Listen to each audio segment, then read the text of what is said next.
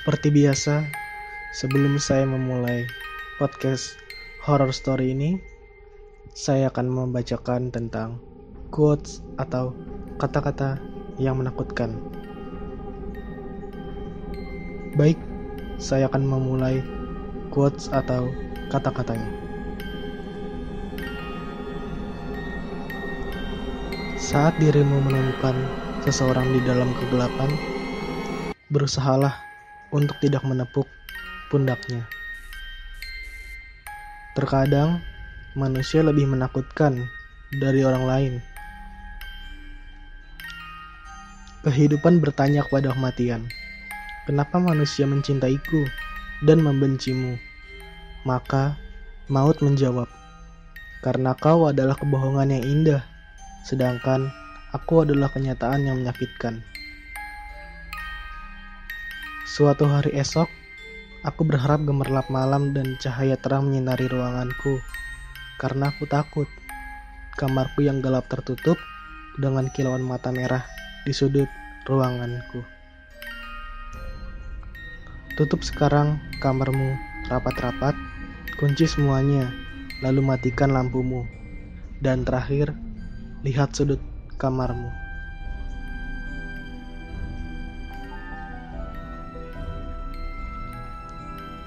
Baik, itu saja quotes atau kata-katanya. Sekarang saya akan lanjut ke podcast horror story ini. Assalamualaikum warahmatullahi wabarakatuh. Halo semuanya, selamat malam. Kembali lagi dengan saya Sunsats dari podcast Horror Story. Kali ini saya akan menceritakan tentang pengalaman mistis untuk Anda semua.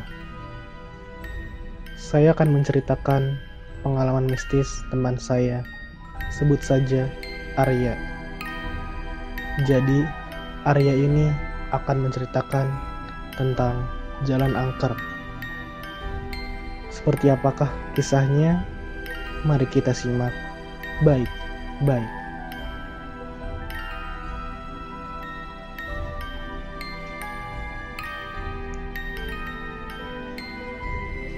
Pasti pernah denger dong jalan angker di sekitarmu. Mau di dekat rumah, dekat sekolah, atau kantor. Pasti ada aja kisah jalanan yang dianggap angker oleh warga sekitar.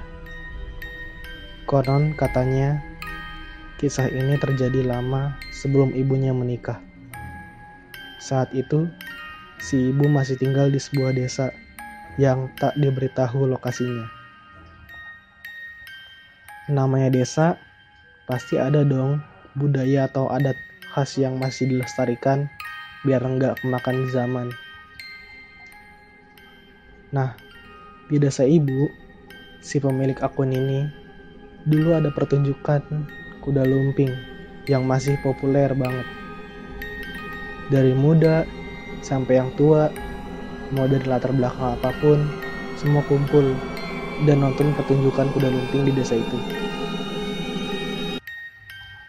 Ceritanya, ibu dan adiknya waktu itu jadi salah satu penonton pertunjukan kuda lumping malam itu. Acara berlangsung meriah, banyak warga yang datang dan terhibur menyaksikannya. Tapi tanpa terasa, Waktu berlalu dengan cepat, hingga akhirnya malam semakin larut. Sehingga ibu dan tantenya itu memutuskan untuk pulang, meski pertunjukan masih panjang. Berbekal sepeda motor lawas, kedua wanita, kedua wanita itu melawan dinginnya malam dan kabut yang menutup jalan. Mbak, aku tahu yang jalan cepat, kata si tante yang menyetir. Terserah deh, yang penting cepat sampai. Daripada dimarahin sama ibu, kata ibu dengan logat bahasa Jawa. Akhirnya, keduanya memutuskan untuk memilih jalan pintas itu. Di simpangan jalan, Bibi memutuskan ambil jalan pintas yang dianggapnya bakal lebih cepat sampai ke rumah. Ternyata jalan yang mereka ambil adalah jalan yang gelap dan penuh semak-semak di sisi kiri dan kanan jalan. Jalan pintas yang dipilih ternyata membuat ibunya merinding.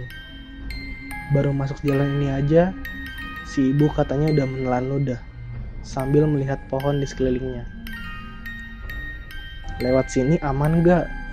Tanya si ibu. Sudah, bismillah aja mbak. Jawab ibu percaya diri.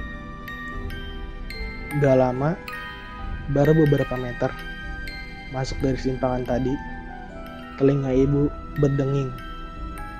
Udara dinginnya malam dan sunyinya suasana kala itu makin membuat ibunya terus memandangi semak di sebelah kirinya.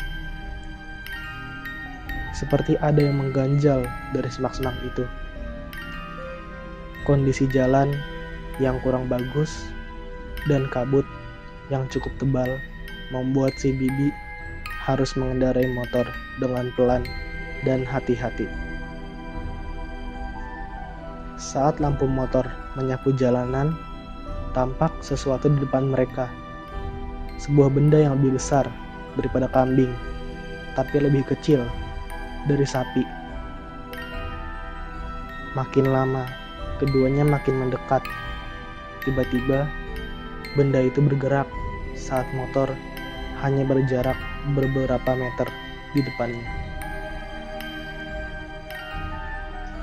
Ternyata, sosok seorang nenek tua berambut putih dengan mata menyala muncul di hadapan mereka. Tanpa selembar kain di tubuhnya, sang nenek berjalan merayap seperti seekor laba-laba. Lihat, teriak ibu. Melihatnya, si Bibi langsung menginjak rem dan motor pun berhenti. Ada apa toh mbak? Kata Bibi kesal.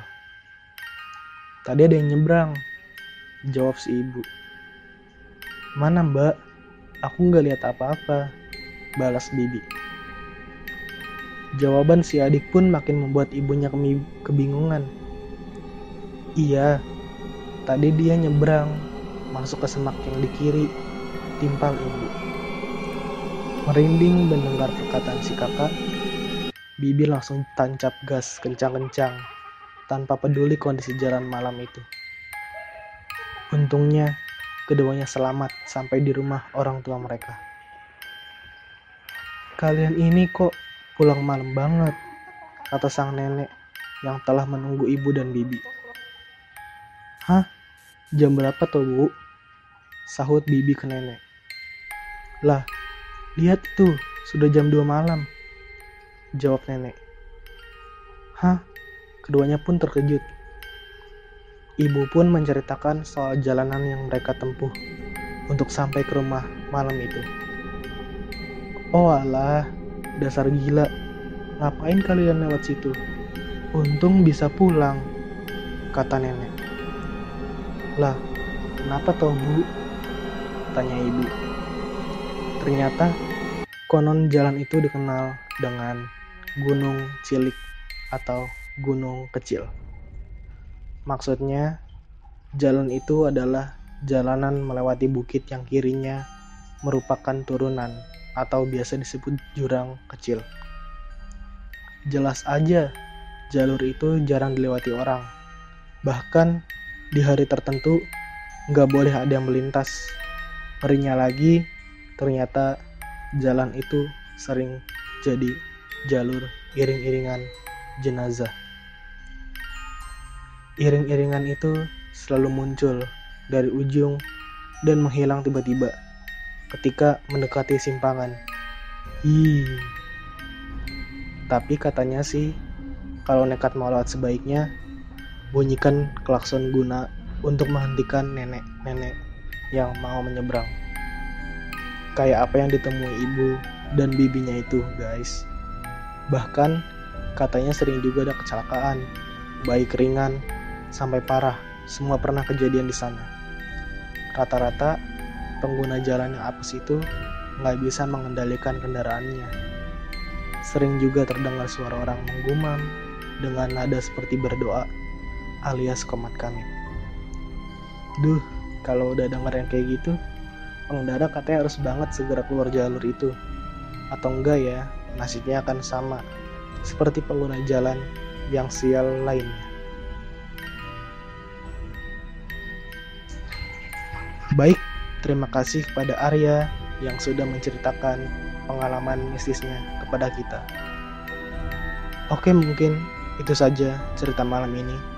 Kurang lebihnya mohon maaf bila ada kesalahan. Selamat malam dan selamat beristirahat.